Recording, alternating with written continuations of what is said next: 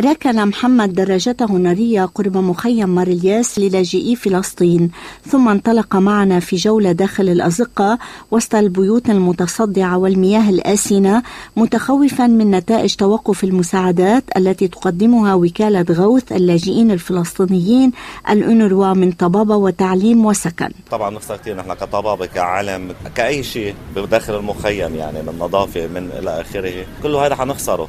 يعني أصلا نحن قاعدين بحبس كبير. بعد غياب الأونروا أكيد حنعاني من نقص. داخل المخيم رأينا مئات اللاجئين أمام مركز الأونروا يحاولون الاستفسار عن مدى صحة القرار وتساورهم مخاوف حقيقية على مصيرهم فهذا بحاجة إلى مساعدة نقدية وتلك إلى التعليم المجاني لأبنائها وأمور كثيرة تعالجها الوكالة التي تعتبر الشريان الحيوي للفلسطينيين في لبنان والتي تغطي 12 مخيما و250 ألف لاجئ.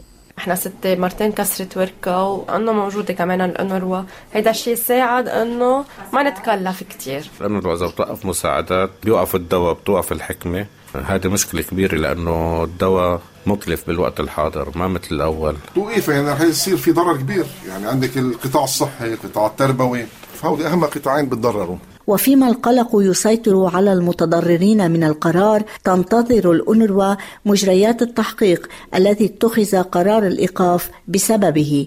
الناطق الرسمي باسم الأونروا عدنان أبو حسنة.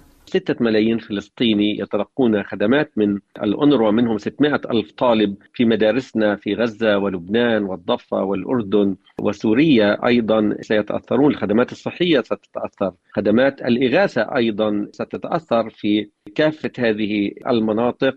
إذا لم يتم إعادة هذا الدعم نحن سنكون إمام كارثة حقيقية تتعلق بالخدمات. هذه ليست المرة الأولى التي يتم فيها توقيف المساعدات عن الأونروا، فقد بلغت الذروة في عهد الرئيس الأمريكي السابق دونالد ترامب، لكن يبقى فلسطينيو لبنان الأكثر تضررا نظرا لكثافتهم. العضو القيادي في الجبهة الديمقراطية سهيل الناطور. هو مشروع توطين الفلسطينيين خارج أرضهم بمقابل ليس فقط قطع المال والمساعدات بل أيضا إلغاء حق العودة. نواجه أولا بالتعاون مع الأونروا على أن يكون هناك تقنين موجه لتقديم المساعدات إلى الأفقر. 3500 موظف في القطاع التربوي والتعليمي ربما يشهدوا أزمة. مديرة شؤون الأونروا في لبنان دورثي كلاوس حذرت من خطر قطع التمويل عن الأونروا التي تتحمل ما بين 50 و 60% من نفقات علاج لاجئي فلسطين لدى القطاع الخاص في لبنان تراجي عون بيروت مونتي كارلو الدولية.